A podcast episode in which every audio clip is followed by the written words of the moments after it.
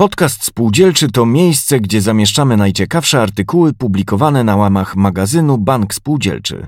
Zapraszamy do słuchania i czytania. Inflacja w Polsce jest już dwucyfrowa. Rośnie oprocentowanie kredytów, rośnie oprocentowanie depozytów. Zdaniem wielu lokaty bankowe są mało korzystne, a banki zarabiają na nich krocie. Czy to prawda? Czy rzeczywiście banki zarabiają kokosy na środkach, które lokują u nich klienci?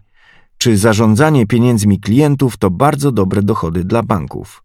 Jeśli nie, to na czym instytucje finansowe zarabiają? O tym dowiecie się słuchając podcastu Roberta Azemskiego pod tytułem Rozwiewam mity wokół pazernych banków.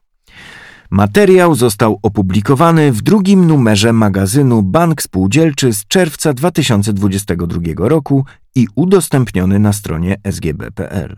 Czyta Michał Kocurek. Rozwiewam mity wokół pazernych banków. Wysoka inflacja i rosnące stopy procentowe skłaniają banki spółdzielcze do reagowania zgodnie ze sztuką bankową.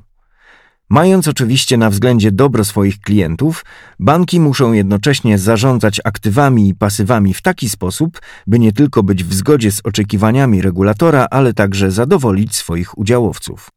Pojawiająca się gdzieniegdzie presja na podwyższanie oprocentowania depozytów i potanianie kredytów nie ma sensu, bo każdy z banków i tak stara się robić to, co dla niego, a zarazem dla jego klientów jest najlepsze. Banki spółdzielcze były jednymi z pierwszych w sektorze bankowym, które w reakcji na rosnące stopy Narodowego Banku Polskiego zaczęły podnosić oprocentowanie depozytów. Już w lutym portal bsnet.pl doniósł, że bank spółdzielczy w Piotrkowie Kujawskim oferuje lokatę oprocentowaną na 4%. Obecnie ma on trzy lokaty z promocyjnym oprocentowaniem, z których najwyżej jest oprocentowana lokata 12-miesięczna, bo aż na 6%. Inny z banków, także grupy SGB, Bank Spółdzielczy Duszniki, wprowadził do swojej oferty promocyjną lokatę z oprocentowaniem nawet 5,15% na okres 6 miesięcy. Od 23 maja 2022 roku w Banku Spółdzielczym w Chrzanowie pojawiła się nowa lokata promocyjna dla osób fizycznych. Jeśli ktoś się założył w bankowości elektronicznej BS24 tego banku, to jej oprocentowanie wynosi aż 5,15% w skali roku. Kokosy na depozytach to mit. Oczywiście wymienione wyżej banki to tylko przykłady licznych instytucji, które zareagowały szybko na rynkowe zmiany. W tym kontekście warto próbować uzmysławiać klientom, że depozyty nie są czymś, na czym bank w szczególny sposób zarabia. Tak, banki nie zarabiają dużo na depozytach. Bank oczywiście nie tylko pożycza klientom pieniądze w postaci kredytów, ale również inwestuje – ponosząc adekwatne do rodzaju tych inwestycji ryzyko. Natomiast pożyczanie pieniędzy od klientów w postaci depozytów nie stanowi tak naprawdę dla większości banków żadnej atrakcji. Jest to bodaj najdroższa forma pozyskiwania pieniądza. Zarządy części banków wręcz głowią się, jak tego depozytu nie brać, bo mają ich często za dużo w stosunku do obliga kredytowego. Oczywiście wiele zależy od rodzaju danego banku i przyjętej polityki finansowej. Niemniej mitem jest, że depozyt jest dla banku czymś niesłychanie atrakcyjnym, z czego bank ma tylko same korzyści. Banki zarabiają na czymś innym niż depozyty. Oprócz operacji kredytowych do istotniejszych źródeł przychodów należą operacje związane z pożyczaniem i lokowaniem środków na rynku międzybankowym. Bank zarabia więc nie na depozycie, zwłaszcza krótkoterminowym, tylko na środkach lokowanych na rynku. Można powiedzieć nawet, że odbywa się to czasem kosztem innego banku, a nie klienta. Aby ktoś mógł zarobić, stracić musi także ktoś i vice versa. Banki zarabiają na wiele różnych sposobów zakupy bonów i obligacji skarbowych, usługi leasingowe, ubezpieczeniowe, faktoringowe itd. Tak na depozytach stosunkowo najmniej. Depozyty stanowią raczej koszt banku, a nie oparcie dla jego przychodów. Kredyty nie zawsze popularne. Czasem media bywają tym sfrustrowane, że procenty w banku nie są takie jak trzeba. Zapominają, że banki tak naprawdę nie potrzebują pieniędzy z depozytów. Według niektórych wyliczeń kredyty stanowią średnio około 80% wartości depozytów, a więc zawsze jest, w razie potrzeby, możliwość pozyskania tych ostatnich. Portal Money.pl wyliczył, że gdyby akcja kredytowa rosła w tempie 4 do 5% rocznie, banki mogłyby nie pozyskiwać nowych depozytów przez około 3 lata. Oczywiście jednym z najbardziej podstawowych sposobów zarabiania banku są kredyty.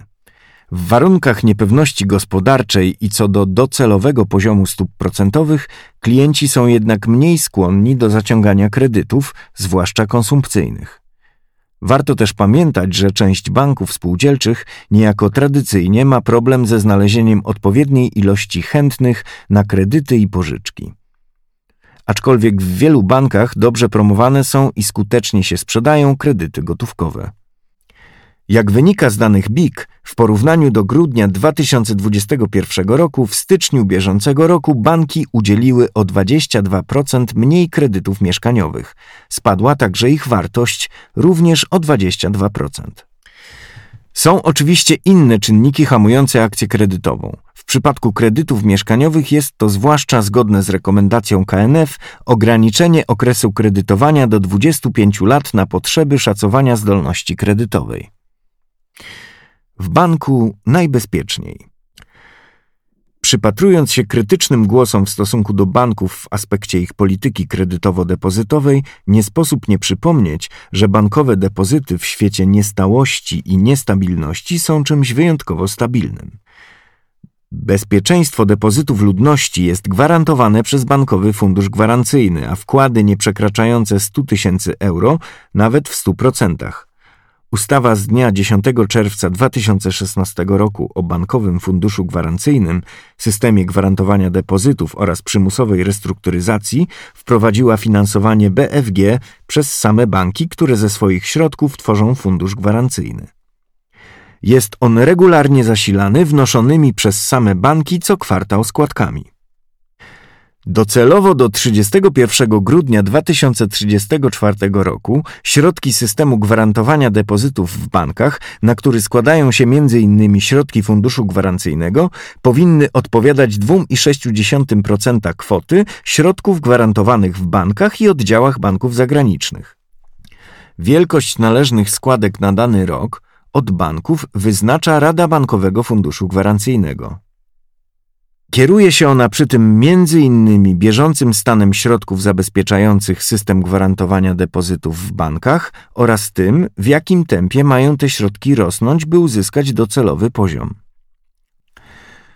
Kwoty składek na fundusz gwarancyjny banków należnych za dany kwartał od poszczególnych banków spółdzielczych, które oczywiście objęte są systemem gwarantowania depozytów, wyznacza się w oparciu o łączną kwotę składek corocznie wyznaczaną przez Radę Funduszu, najpóźniej do dnia 1 marca każdego roku. Na bieżący rok Rada Bankowego Funduszu Gwarancyjnego ustaliła łączny poziom składek na poziomie 3 miliardów 701 milionów złotych wobec 2 miliardów 230 milionów złotych, co oznacza wzrost o 66% w ujęciu rok do roku. Nie trzeba dużego wysiłku, by dostrzec, że banki są obciążone wysokim i na dodatek rosnącym ciężarem gwarantowania bezpieczeństwa zdeponowanych przez klientów pieniędzy. Są to przy tym środki, które nie tylko banki wydają, ale także takie, z których nie mają korzyści. Te pieniądze dla banków nie zarabiają, nie są już inwestowane. Informatyczne koszty bezpieczeństwa. Nie wolno o tym zapominać i warto to też podkreślić, że banki spółdzielcze ponoszą znaczące koszty informatyzacji. Oczywiście digitalizacja banków jest niezbędna, bo pozwala uprościć wiele czynności, a jednocześnie dotrzeć do nowych klientów z innowacyjnymi produktami. Z drugiej jednak strony banki muszą zapewnić pełne bezpieczeństwo informatyczne, co również kosztuje.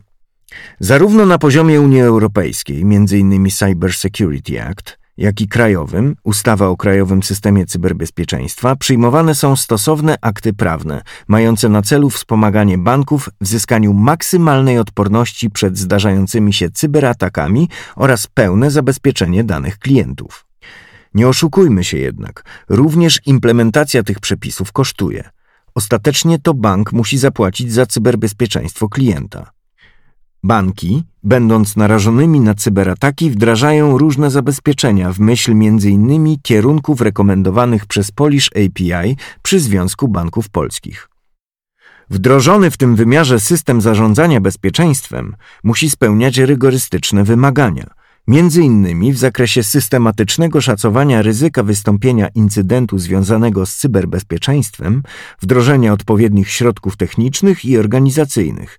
To wszystko oczywiście kosztuje i to nie mało.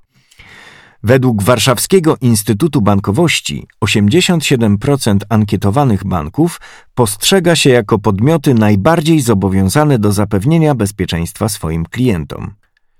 Przy tym aż 65% dopuszcza możliwość ponoszenia dodatkowych opłat bankowych podnoszących poziom bezpieczeństwa konta elektronicznego i jak można sądzić, ten poziom bezpieczeństwa stale podnosi.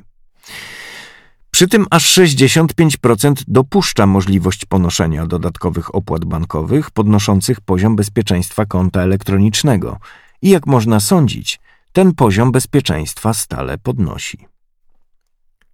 Banki stymulantem rozwoju gospodarczego. Banki spółdzielcze finansując lokalną przedsiębiorczość i konsumentów przyczyniają się także do rozwoju gospodarczego Polski. Według badania przeprowadzonego przez Związek Banków Polskich, kredyt bankowy nadal pozostaje pierwszym wyborem wśród narzędzi finansowania zewnętrznego polskich firm. Jest nie tylko instrumentem finansowania bieżącej działalności firmy, lecz także źródłem wsparcia wszelkich inwestycji. Te zaś stanowią podstawę rozwoju przedsiębiorstw, które z kolei płacąc podatki zasilają budżet kraju, przyczyniając się do wzrostu gospodarczego.